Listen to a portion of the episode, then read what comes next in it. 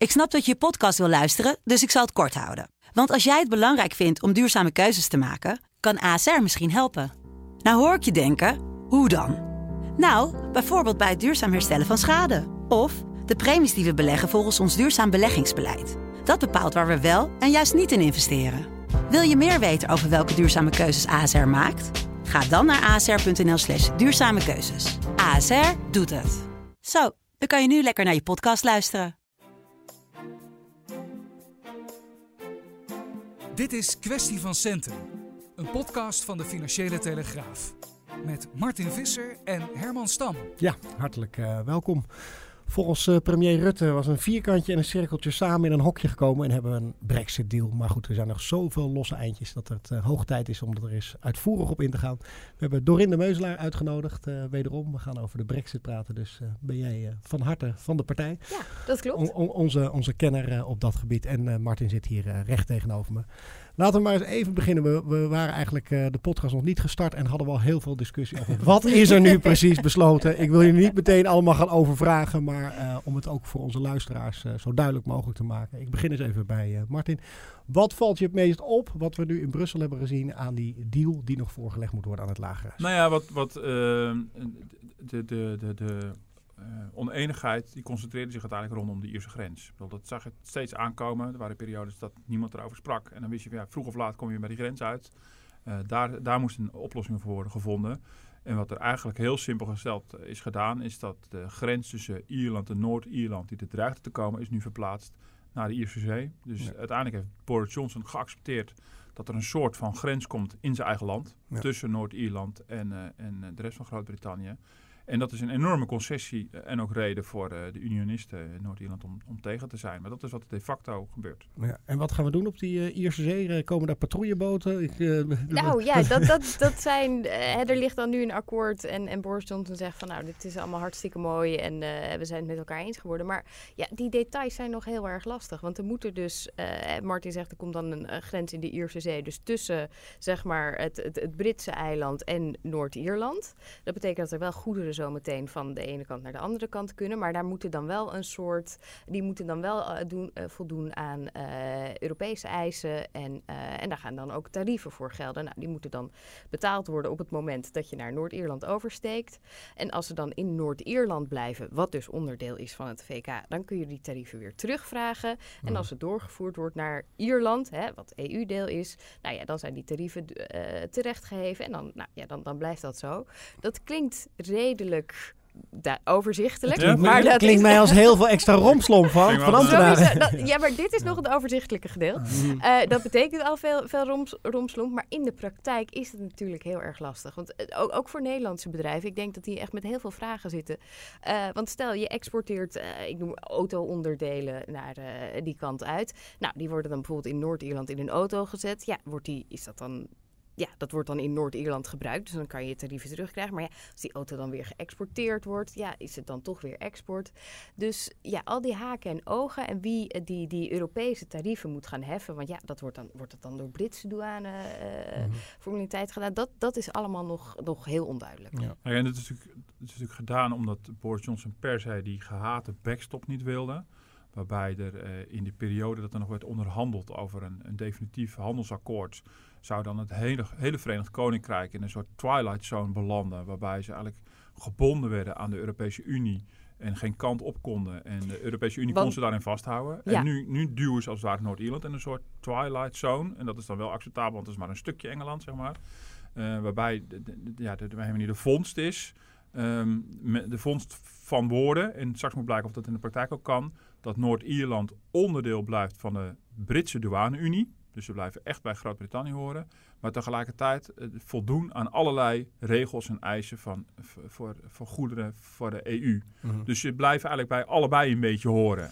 Wat, wat het, het grappige aan, aan deze constructie is eigenlijk dat dit ook het eerste voorstel van de EU was. Mm -hmm. uh, hè, toen die onderhandelingen begonnen, toen zeiden ze van nou, hè, dan doen we dan Noord-Ierland hoort bij jullie, maar geldt ook als onze douane-unie. Ja, dat was zelfs onder Theresa May nog onacceptabel. Ja, ja toen, ja, toen zei, ligt, ja. toen zeiden ze van nou, dat willen we niet, want dat zou impliceren dat je twee verschillende regimes krijgt in het Verenigd Koninkrijk. En dat was echt een, een no-go voor hen. Nou ja, tot deze deal. Want nu hebben ze dat alsnog geaccepteerd, want onder Theresa May was dan de tussen Oplossing van nou, dan blijft heel Verenigd Koninkrijk in die douane-unie. Toen zeiden ze van ja, maar ja, Mhm. hè, wat is dan, dan eh, zijn we dan eruit of niet? Dus dan, ja, dan zijn we het, toch weer naar het eerste plan. En dit klonk natuurlijk wel ingewikkeld, maar dan, dan moet je natuurlijk voorstellen dat wat Boris Johnson heel graag wil, is handelsverdragen sluiten met andere landen. Dan gaat, eh, we gaan het eerst bij Trump eh, proberen, denk ik. Nou, ik wens hem heel veel succes. Eh, dat wordt echt nog een feest, denk ik. Want De vraag is of het een hele grote vriend gaat zijn. Eh, maar dan heb je het ook nog derde landen erbij. Hè? En, dan, en daarom, aan de ene kant klinkt het ook allemaal super theoretisch. Maar wat ik, wat, wat ik niemand wil, zowel EU niet als de Britten niet, als derde landen, is dat Noord-Ierland een soort achter, eh, een open achterdeurtje wordt. Mhm. Waarbij je standaarden en regelingen en, regels en normen kan ontlopen. Eh. Dat wil je natuurlijk per se niet. Dat ergens er een soort lek zit in je, in je afspraken rondom een douane-unie, interne markt. Ja. En ja, goed, ja, ze hebben dus in woorden iets gevonden. Maar of het in de praktijk gaat werken, ik Ja, maar dat is, dat is ook de grootste angst. En ik heb, ik, heb, eh, ik heb gisteren ook rond zitten bellen met allerlei experts van nou, wat, wat betekent dit nou? En die zegt ja, het wordt een beetje een grijs gebied. En dat heeft de EU gewoon geaccepteerd om alsnog tot een deal te komen. Is nu ook al een beetje grijs gebied. Want bijvoorbeeld op btw-regelingen zijn er verschillen. En ja, ze hebben gewoon gezegd van nou ja, eh, we moeten een beetje bij elkaar komen. Dan is dit de concessie die, eh, die eraan hangt. Kan, kan Noord-Ierland er niet heel gunstig uitkomen? Die kunnen een beetje shoppen uit wat het beste voor hun uitpakt. Ik Nou ja, misschien wel. Kijk, en, eh, in Noord-Ierland is natuurlijk vooral zijn die unionisten heel erg tegen. Ehm, eh, ik betwijfel dat het niet zozeer om economische redenen, meer om politieke redenen. Die willen gewoon heel drukkelijk gewoon st- st- strikt verbonden blijven aan, eh, aan, eh, aan de rest van het Verenigd Koninkrijk. Ehm, eh, maar de verwachting, en dat is ook de gok een beetje van de Europese Unie, is dat de meerderheid in, Noord-Ierland dit eigenlijk wel een prima oplossing vindt. Dan blijf je gewoon dicht tegen de Europese Unie aan. Eh, de Noord-Ieren hebben, hebben krijgen in, in de, de oplossing ook de kans om, om na vier jaar te zeggen: willen we dit regime nog of stappen we eruit? Vind ik Ja. eerlijk gezegd ook wel een wat gekke concessie vanuit de Europese Unie. Ehm, daarmee nemen ze de gok dat, dat het Noord-Ierse parlement, wat overigens al twee jaar geschorst is, geloof ik, eh, ehm, eh, waarschijnlijk nooit zal besluiten om, om hier, hier uit dit regime te stappen. Ja, want nu mogen ze niet meestemmen, hè, begreep ik ervan. Nee, het is Nee. niet zo. De, die DUP, die, die, die, die, eh, die unionisten, die hadden dus een soort veto vooraf willen hebben. Wat ik als regeringspartij ook wel begrijp. Ik bedoel, ja, ze zijn, ze zijn onderdeel van, eh, van, van de regering. weliswaar een minderheidsregering, maar ze zijn hier gewoon straal genegeerd uiteindelijk door Boris Johnson. Maar dus in vooraan hebben ze dus ge- die kans niet. Maar na vier jaar mogen ze wel zeggen van nou, we willen dit niet meer.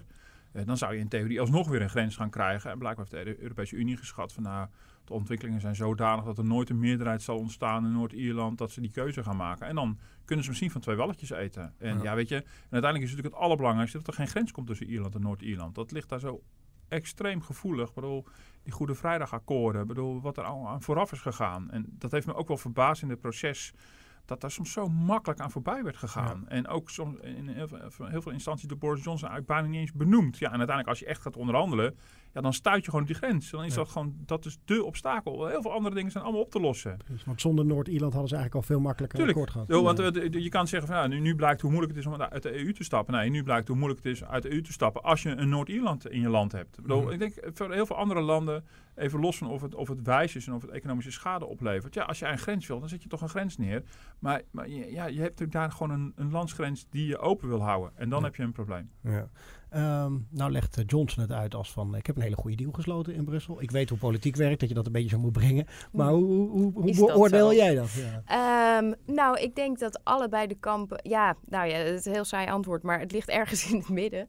Eh, Boris Johnson, een hele belangrijke concessie die hij, hij heeft gedaan, is toch die grens in de Ierse Zee tussen Noord-Ierland en, het, en de rest van het Verenigd Koninkrijk. Dat, nou, dat was aan het begin van al die onderhandelingen no-go, daar heeft hij toch mee ingestemd. Maar ook de EU heeft wel eh, concessies gedaan. Bijvoorbeeld door een beetje te accepteren dat Noord-Ierland een wat, wat, wat grijs gebied eh, wordt.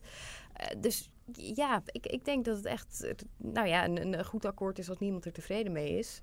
Iedereen dus er dat, tevreden mee is. Ja. Dus Ja. het, ligt, het ligt echt een beetje in het midden. Ik Maar de denk niet EU, dat je- ja, maar je zegt natuurlijk terecht, de EU heeft dit al een keer eerder geopperd. Dus in die zin was het voor de EU toch makkelijker. Want ja, dit hadden ze al een keer eerder voorgesteld. Dus ze hadden nog iets in de achterzak. En de concessie bij de EU zit natuurlijk waarschijnlijk ook een beetje in. Is dat ze heel lang hebben geroepen van ja, de, de finale deal is de finale deal. Er valt niet meer te onderhandelen. Alleen al die beweging, dat ze toch hebben aangegeven, er is ruimte. Eh, Nee, dat- is dat ook een ons- consensie op zich, zeg maar. Nee, Ja. dat is natuurlijk ook wel, wel een, een, een risico geweest voor, voor de EU zelf. Want die, die zijn er heel erg op, op gebeten om, om vooral die grens tussen Noord-Ierland en Ierland niet, eh, dat daar geen harde grens komt. Ze hebben laten zien van nou, er is toch on- onderhandelingsruimte. Dus ja, stel dat deze deal eh, er niet doorheen komt, dan denken misschien de harde bre- brexiteers van ja, er, er wordt wel gezegd van er is geen onderhandelingsruimte. Maar dat is er in de praktijk wel. Dus hè, als je mij vraagt van nou, is er nou één partij die echt alles eruit heeft gesleept? Nee, het is, ja, ze hebben allebei water bij de wijn moeten Ja. doen. Ja. Nou, wat ik wel heel goed vind, eh, wat echt goed gegaan is aan de Europese kant, en ook met dank aan de Ieren, ehm, is dat eh, de, de harde brexit, waar Boris Johnson natuurlijk steeds mee dreigde, en die ook echt werkelijkheid had kunnen worden, eigenlijk ook een nachtmerriescenario voor de Europese Unie was geweest. Dat had natuurlijk, dat had Boris Johnson veel meer als een soort breekijzer kunnen gebruiken, maar de, de, de, de Nou, Europese het landen... parlement is ook een stokje voor. Ja, en, eh, zeker. Eh daar heeft, heeft zijn eigen parlement een stokje voor gestoken uiteindelijk. Mhm. Ehm, eh, maar wat de Europese Unie, die wilde heel graag een afspraak. Eh, op een zeker moment wilden ze er vooral vanaf, van het gezeik. Maar wat ze in ieder geval per se niet wilden, was een grens tussen Ierland en Noord-Ierland. Want dat zouden ze echt een probleem hebben gehad met hun eigen lidstaat Ierland. En dat dreigement eh, eh, heeft eigenlijk, voor zover ik dat in het publicitair wel zie, helemaal niet zo'n rol gespeeld. Dat, dat Boris Johnson geprobeerd heeft de EU met de rug tegen de Mhm. muur te duwen. Ook een beetje natuurlijk omdat het in eigen land ook heel gevoelig lag om te gaan zitten dreigen. Van anders zet ik gewoon daar een grens neer.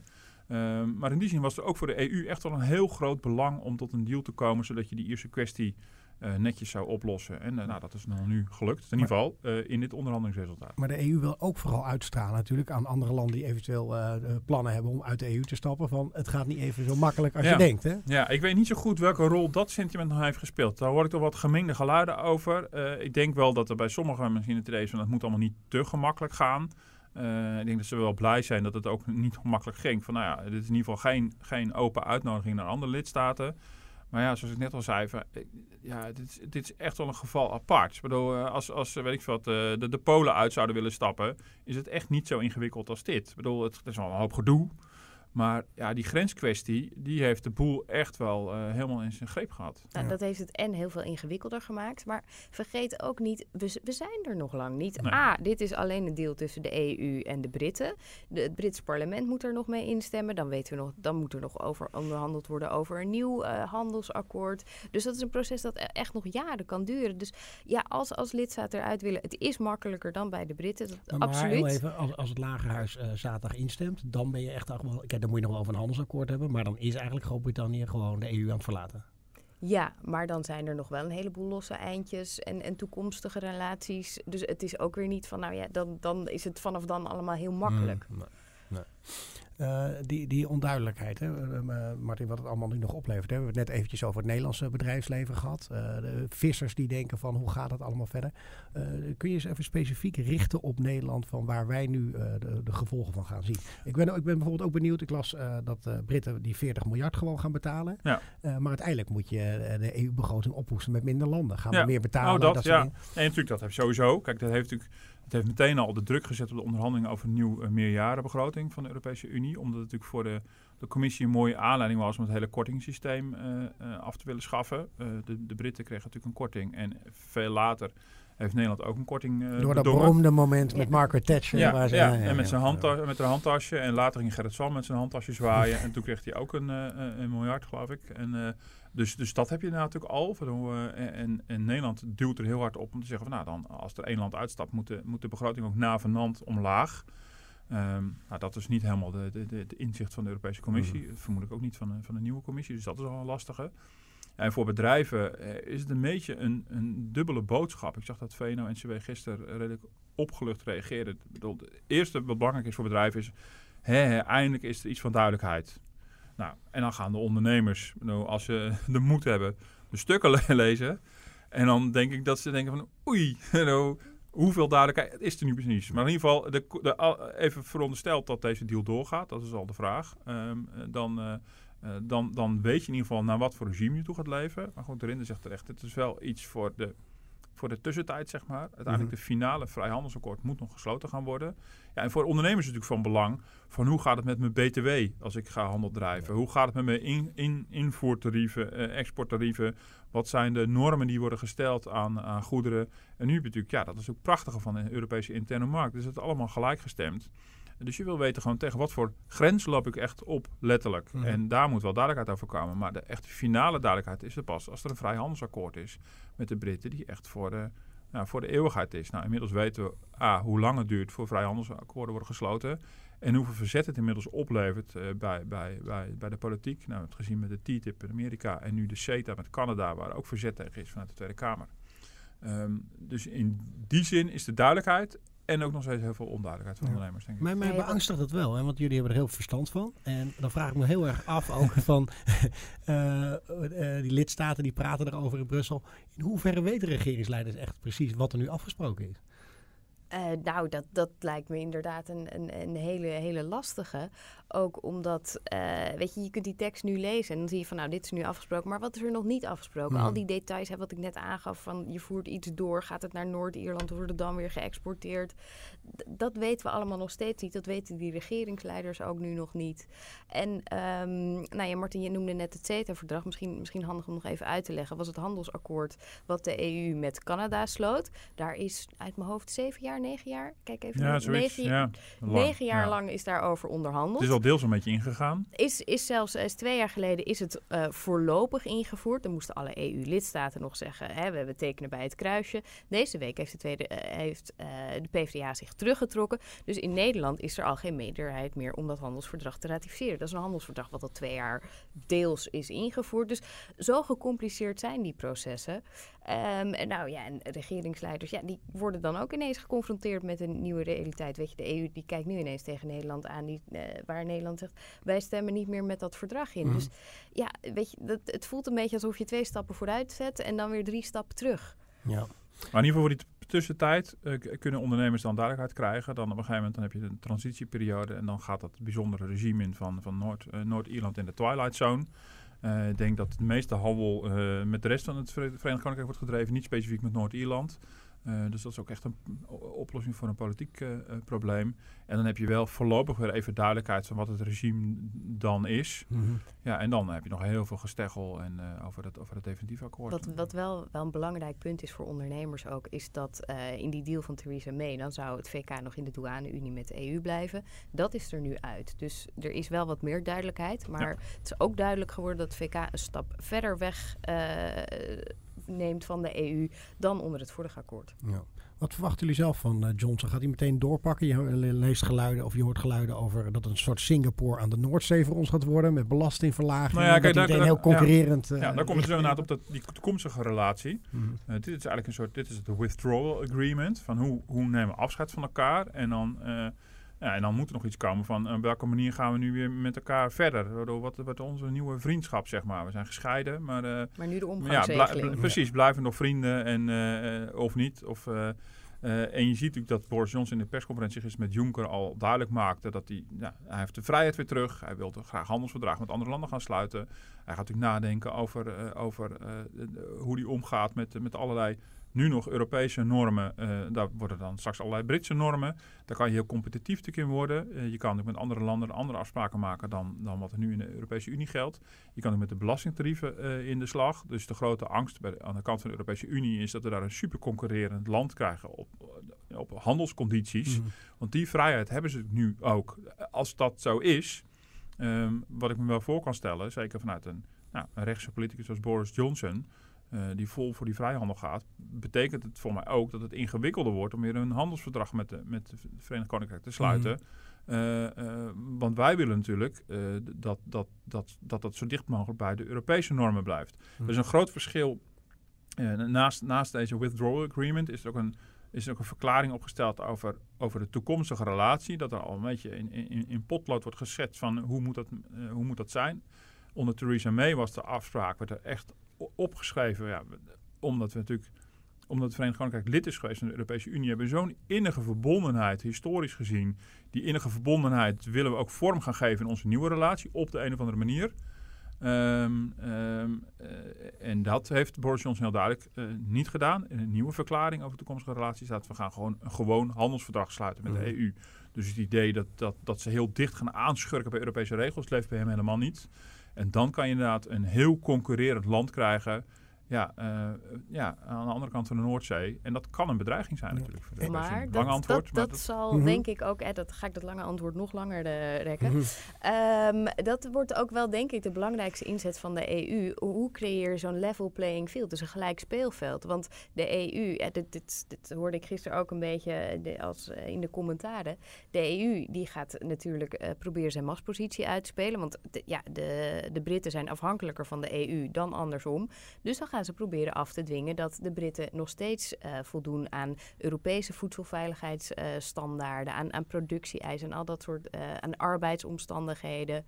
Dus de EU gaat proberen om, om ja, zo'n zo'n zo'n supergoedkope concurrent zoveel mogelijk in te dammen. En dan krijg je ook wel weer een beetje de vraag: ehm, hoeveel vrijheid hebben die Britten als, als ze straks eh, inderdaad denken van nou wij willen heel graag met de EU handelen, is belangrijk voor onze economie. Dus wij moeten daar een beetje over de brug komen. Ja, dan heb je ook niet zo heel veel speelruimte. En is er Mhm. best een kans dat er aan heel veel van de Europese standaarden straks ook, ook na de Brexit nog steeds moeten voldoen. Ja, hoe belangrijk is die export voor Groot-Brittannië richting eh, Europa? Kun je er wat cijfers... eh, maar dat is gewoon een heel aanzienlijk eh, deel. Ja, ja het is, eh, de EU als, als geheel is de belangrijkste handelspartner eh, voor, voor de Britten. En ze hebben eh, in, in dit hele proces ook wel gezegd van nou, hè, we willen naar andere, andere landen kijken. Er werd ook een beetje gezien speelt op het, voormalige kolonie India, de VS moest allemaal heel belangrijk worden. Maar dan denk je, jongens, even gewoon puur praktisch. Die liggen een stuk verder Mhm. weg. Dus de reden dat Nederland, he- dat de belangrijkste Nederlandse handelspartner Duitsland is.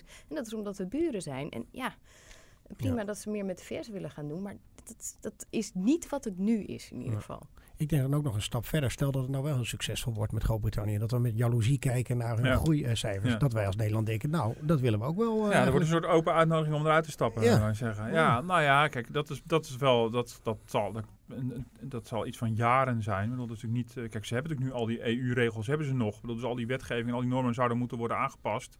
Eh, dat is ook niet meteen, eh, meteen geregeld. En eh, ik weet niet of de, of de topprioriteit daar helemaal ligt. Met de belastingen kan je al vrij snel iets gaan doen. Die vrij, er is nu ook op, overigens binnen Europa natuurlijk best wel veel vrijheid wat betreft de belastingen. Maar dat zou, dat zou natuurlijk wel kunnen. En als het blijkt dat dit een succesnummer is, wat we pas over heel veel jaren weten, een economisch succesnummer, is dat misschien alsnog aanlokkelijk. En Mm. ja, op zich, maar aan de andere kant natuurlijk weer, het Verenigd Koninkrijk eh, is natuurlijk wel gewoon qua economie echt wel een paar slagen groter dan, dan de Nederlandse economie. Je hebt natuurlijk politiek gezien meer in de melk, melk te brokkelen. Dus ja, nou, Boris Johnson kan met, met Trump misschien wel ja, toch wel net iets meer voor elkaar krijgen dan Mark Rutte bij Trump zou kunnen. Ja. Ehm, eh, of eh, een van zijn opvolgers natuurlijk inmiddels tegen die tijd. Maar eh, nee, dat, dat, dat kan. En ja, en ik kan me voorstellen dat de Brexiteers er alles aan gelegen is tot, dit tot een groot economisch succes eh, te maken. Ja. En voor Johnson is het natuurlijk ook van groot belang of Trump überhaupt herkozen wordt. Want als hij weer met een hele andere Amerikaanse president eh, te maken heeft vanaf eh, volgend jaar, dan kan het ook weer zijn dat eh, daar minder makkelijk een deal mee te sluiten is natuurlijk. Eh, ja, ja, ja, dat denk ik wel. Eh, Trump heeft tot nu toe altijd heel erg eh, gezegd van nou, wij stellen ons open, open voor jullie en willen graag een goede deal eh, sluiten. Dan denk ik dat het in de praktijk wel iets lastiger wordt dan eh, Hm. Trump nu doorschemert. Want ja, hij zegt ook eh, America first. En eh, wij hebben zo, andere landen hebben zo lang van ons geprofiteerd. Eh, wij willen niet zomaar eh, allerlei vrijhandelsakkoorden. Die, die is juist veel protectionistischer. Dus ja, ik vraag me ook wel af hoe dat in de praktijk eh, gaat worden hoor. Zo'n vrijhandelsakkoord tussen de Britten en de VS. Ja, maar Ja. dat was natuurlijk wel een beetje. De gedachte is een beetje dat Trump heeft er nu, nu belang bij om, eh, om Johnson te steunen, eh, om een beetje te stoken. Ehm, eh, dus dat, bedoel, dat, dat belang heeft hij politiek gezien. En dan op een gegeven moment als die brexit een feit is, dan veranderen die belangen natuurlijk wel weer. Dan, heeft, dan gaat hij gewoon met, met, met, eh, met, met de Britten natuurlijk een deal sluiten die voor hem ook gunstig moet zijn. Ja. Dus dan, bedoel, en nu eh, stelt hij zich misschien op als een enorme vriend van de Brexiteers. Maar dan is het ook gewoon een soort counterparty. Dus, dus in die zin kan dat nog wel eens flink veranderen. En dan staat eh, Boris Johnson natuurlijk wel gewoon alleen. Ja. En dan heb je niet een hele EU achter je. Zeg maar. Ja, het is altijd zijn wens hè, van Trump om met elk land afzonderlijk te onderhandelen. Het liefst zou hij dat ook doen met elk EU-land. En Ja, dan dat is op zich ook in die zin onderhandelingstechnisch ook, ook logisch. Want dan heb je natuurlijk gewoon, eh, heb je want natuurlijk dan zijn gewoon ze meer de macht. grootste. Ja, dan ben je de grootste. Dus eh, dat is natuurlijk nog wel logisch. In die zin is de EU, hoe- hoeveel kritiek je er ook op kan hebben en hoe traag het ook allemaal gaat, eh, is natuurlijk wel eh, een soort van bedreiging. Omdat je natuurlijk wel een stevige onderhandelingsmacht met elkaar hebt, als ze het met elkaar eens kunnen worden. Maar, eh, eh, dus, dus, dus ja, dat, dat blok, dat verbrokkelt dan een beetje. Dat is natuurlijk in zijn belang. Nou, nu gaan we blok 2 doen van uh, deze ingewikkelde materie. Want uh, het nadeel van zo'n podcast midden in de actualiteit is dat ze in het lagerhuis nog moeten gaan stemmen. En dat we daar natuurlijk ook van alles van willen weten. Van hoe gaat dat, uh, waar liggen de kansen en hoe moeilijk wordt dat überhaupt nog? Ja, ja, want de kant is heel groot dat na zaterdag het hele verhaal wat we net hebben gehouden, dat we gewoon weer helemaal terug naar de tekentafel ja. Daarom gaan. zeg het ook pas ja. nu. Ja. nee, dit, er is nu dus een overeenkomst tussen de EU en de Britten. Maar nu moet het Britse parlement daar nog mee gaan instemmen. En de kans is gewoon heel groot dat het niet lukt. Dat, dat, dit is ook precies waar Theresa May over is gestruikeld. Drie keer toe heeft haar voorstel voorgelegd. En ze hebben er, uh, nou ja, nog net niet uitgejouwd. Um, maar ja, dat... Maar ook wel uitgejouwd. Ja, ook wel. ja, wel. Um, Pek en veren. Ja, ja dus nou, uh, nu, nu, nu krijgt uh, Boris Johnson zaterdag, denk ik, uh, een beetje mee hoe dat nou is om in, in de schoenen van Theresa May te Nou ja, dat vind ik ook wel, dat is ook een belangrijke relativering. Hè. Gisteren was het echt zo'n gevoel van, wauw, dus die Boris Johnson toch wel gewoon lukt, zegt. Ik, ja, dat heeft mm. Theresa May al lang gedaan. Maar oh, ja. kom aan. Maar oh, het is zijn eigen koppigheid geweest, waardoor het onder Boris Johnson een hele poos niet lukte. Waardoor hij vertikte het in het begin om naar Brussel überhaupt af te reizen die prachtige filmpjes gezien dat hij op straat werd aangesproken door, voor, voor, door gewoon de willekeurige Britten die gewoon kwaad waren van wat doe je hier in Londen man, zou er niet erop, mm -hmm. ga naar Brussel, je moet onderhandelen voor ons, daar hoor je te zijn. Nou, hij heeft natuurlijk heel lang daarmee gewacht, vooral politieke spelletjes ge gespeeld. En op het ook, allerlaatste ook om moment, die druk erop te zetten. Natuurlijk, dat heeft uiteindelijk ook wel uh, gewerkt. Maar goed, de vraag is een beetje wie, wie nou wie onder druk heeft gezet. Wat, maar goed, maar, maar jij weet ook, je bent lang correspondent geweest in Brussel. Meestal komt het op het allerlaatste nee, dat, moment. Dat, is, wel, dat is, dat is wel waar. Dat is, uh, in dit geval begon, begon ik toch wel ernstig aan te twijfelen. Hoor. Dat is ook wel, hij had ook intern ook heel veel strubbelingen. Heeft ook, uh, hij heeft ook behoorlijk op zijn snuffert gegaan natuurlijk in, in, het, uh, in, in, in, het eigen, in het eigen parlement. En dat ging natuurlijk helemaal mis met de schorsing van het parlement. En uh, uh, ja, en wat mij, wat mij tegengevallen is ook aan hem, uh, het verbaast misschien niet, maar wat tegengevallen. Ik denk, ja, Theresa May, de grote zwakte van Theresa May in mijn ogen, was zij er niet in slaagde om een meerderheid te forceren in het parlement. Dat ze niet het soortelijk gewicht had om op een gegeven moment te zeggen, nou, mensen met de koppen tegen elkaar te slaan van, nou, nu moeten, er moet gewoon echt een deal komen, dat is in het landsbelang. Mm. Nou, je ziet de Boris Johnson is natuurlijk zo zwaar politiek geprofileerd dat hij dat ook niet voor elkaar kreeg. Maar hij heeft ook niet eens een poging gedaan. Dus dat vond ik wel, dat vond ik wel moeilijk. Uh, ik zit erin niet helemaal dus dan horen we dan zo. Maar uh, uh, dat vond ik wel. Als, als buitenstaander, als Nederlander kijkend naar dat schouwspel, was het Britse politiek. Het was natuurlijk heel vermakelijk en, en, en spannend, weet ik wat allemaal. Maar ik denk, is er dan niemand, ook niet een premier, die zich realiseert van met deze belangen zijn zoveel groter dan partijpolitiek. Dan de vraag wie wordt de volgende premier. Ik snap het best hoor dat Corbyn en Johnson heel graag allebei. Uh, de, de, de, de, de, de topjob willen hebben. Maar ja, ik, ja, in deze kwestie is het toch uiteindelijk relatief. Maar uiteindelijk ging het alleen maar daarom. En je ziet het ook in de reactie van Labour. Zo alleen maar partijpolitiek. Maar goed. Uh. Dorinde. Ja, nou, dat, uh, grotendeels ben ik het inderdaad wel met je eens. En uh, die grote partijleider Johnson en Corbyn, die hebben zich echt heel erg... Ja, die konden niet over hun eigen schaduw stappen. Dat zie je nu ook bijvoorbeeld in de reactie van Labour. Die zegt van, nou, we weigeren hiermee in te stemmen. Tenzij er dan weer een nieuw referendum komt. Want ja, die zien ook, ook, ook de electorale bijl hangen. Um, maar uh, het, het, verschil tussen Theresa May en Boris Johnson is... Boris heeft zelf voor de brexit gestemd en Theresa May niet. Mm -hmm. Dus hij heeft vanuit die, uh, die Brexit-achterban heeft hij wel een groter draagvlak. Je zag bijvoorbeeld ook uh, Jacob Rees-Mogg, uh, de, de aanvoerder van die, van die hele harde Brexit-vleugel. Die, nou, die vegen de vloer aan met het akkoord van May. En het akkoord van Johnson zegt, nou, dit ja. is heel goed. Ja. Terwijl ja, maar... afgezien, ja. afgezien van die backstop is het akkoord bijna precies heel erg hetzelfde. Dus en in de laatste fase van Theresa May hebben die ook, ook Johnson en die Jacob Rees-Mogg hebben uiteindelijk ook ingestemd. In die allerlaatste fase begonnen ze allemaal te draaien, te schuiven. Dus er zijn alleen maar politiek strategische redenen waarom ze zus doen of zo doen. En dat is, dat is wat mij zo tegen de borst stuit. Ik, bedoel, ik begrijp dat politiek is politiek, maar ik ben ervan overtuigd, dit schouwspel zouden we in Nederland nooit hebben gezien. Daar ben ik echt van overtuigd. Ik ben niet altijd een fan van het poldermodel en het oeverloze overleggen. Maar op een manier ontstaat er in Nederland toch op een gegeven moment een sfeer van jongens, uh, dit is even groter dan wie heeft de langste. En mm-hmm. dat vind ik echt onwaarschijnlijk om dat, om dat aan te zien. Dat partijpolitiek en het streven naar de beste, beste baan voor jou, dat dat uiteindelijk bovenaan staat en dat de, de kwestie ondergeschikt is. Ja. ja, maar dat is, het is niet gezegd dat deze deal het niet gaat halen. Kijk, ze gaan er eerst nog over stemmen. Uh, de kans is vrij klein dat het parlement ermee instemt. Nou, daar kunnen nog allemaal amendementen aangenomen worden. Hè. Labour zegt al van, nou, wij, wij stemmen alleen in als er dan een nieuw referendum over dit akkoord komt. Ehm, nou ja, dus, dus dan kan je nog een meerderheid krijgen. Het kan ook zijn dat ze niet instemmen. Nou, dan uh, is de kans groot dat Boris Johnson nieuwe verkiezingen uh, uitschrijft. Is de kans groot dat hij um, een meerderheid krijgt en dat ze dan alsnog instemmen. Dus ben, ja, er, er zijn heel erg veel politieke spelletjes die echt niet in het landsbelang zijn. zijn maar tot nu toe, het, ze, zijn, nou ja, ze hebben een deal, dus er is wel weer een heel klein beetje vooruit. Maar stel dat het parlement instemt, dan zeg jij van dan gaan we straks zeggen dat, uh, dat deze Boris Johnson een groot staatsman uh, zal blijken te zijn. Dat hoor je mij helemaal niet zeggen.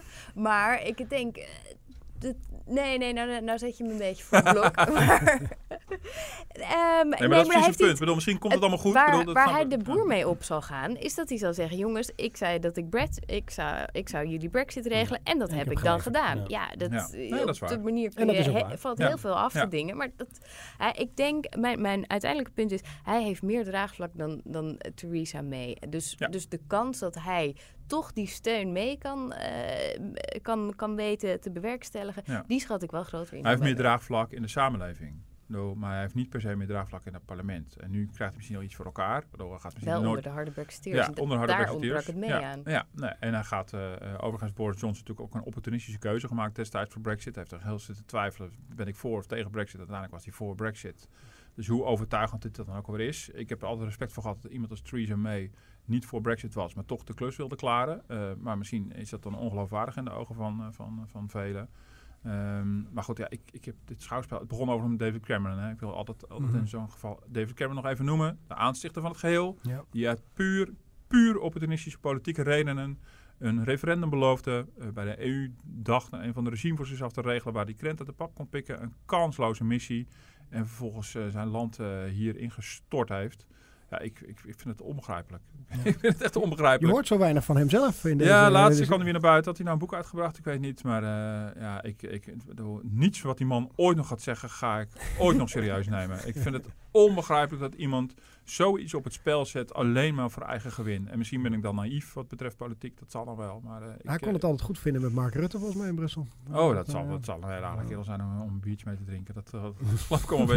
En natuurlijk was het ook een bondgenootschap. Hè? Ik bedoel, dat voor Nederland blijft het gewoon zuur. Zelfs Juncker zei het, van ik ben blij dat er een deal is.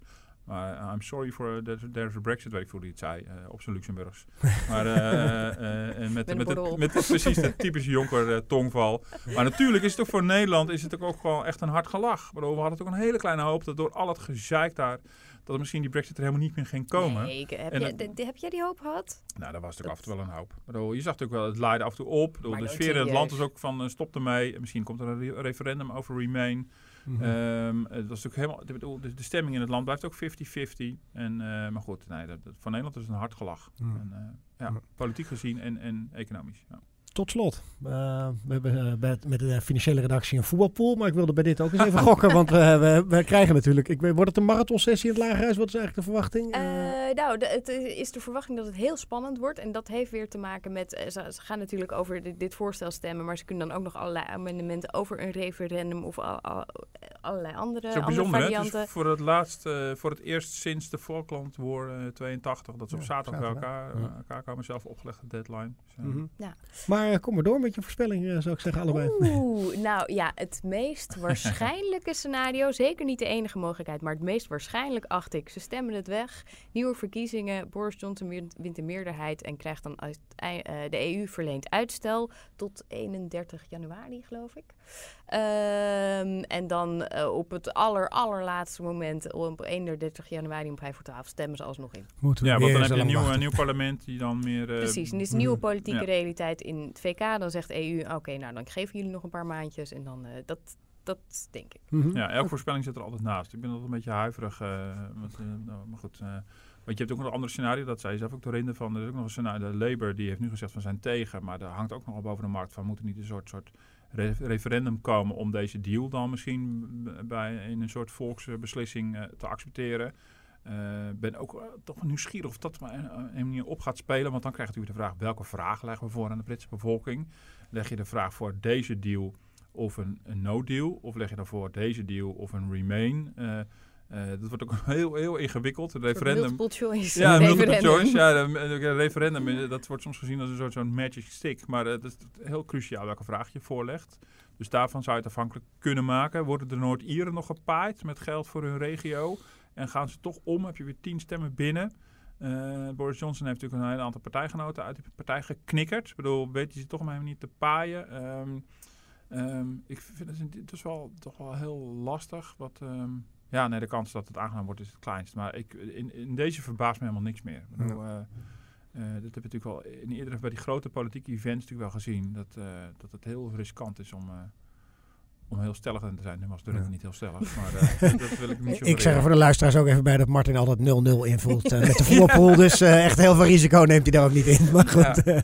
Ja, nee, maar ik wil, ik wil, ik bedoel, ik wil best wel, ik, ik zou gokken op dat het, dat het weggestemd wordt. Maar ik wil niet de suggestie wekken dat je zoiets op een manier ook maar kan voorspellen. Ik zie al die bankanalisten waar wij dan veel eh, contact mee hebben, die hangen er ook allemaal kansenpercentages aan op. En ik vind, ja, maar nu, Nou, daar nu, heb ik ook niet veel nu probeer je iets, het, eh, een, een bepaalde zekerheid ophangen aan een proces wat echt totaal onzeker, eh, onzeker is. En wat zo, zo gek gelopen is, zo anders gelopen is dan we van tevoren hadden kunnen denken.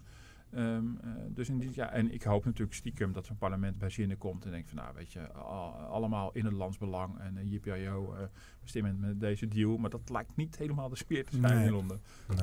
Nou ja, we gaan met grote spanning, om maar een cliché te gebruiken, maar met grote spanning eh, bekijken allemaal. Eh, ik dank jullie hartelijk voor de heldere uitleg en tot volgende week. Ik zeg er nog bij dat we te beluisteren zijn op iTunes en op Spotify. En u kunt ons ook mailen op podcast.dft.nl. Tot volgende week.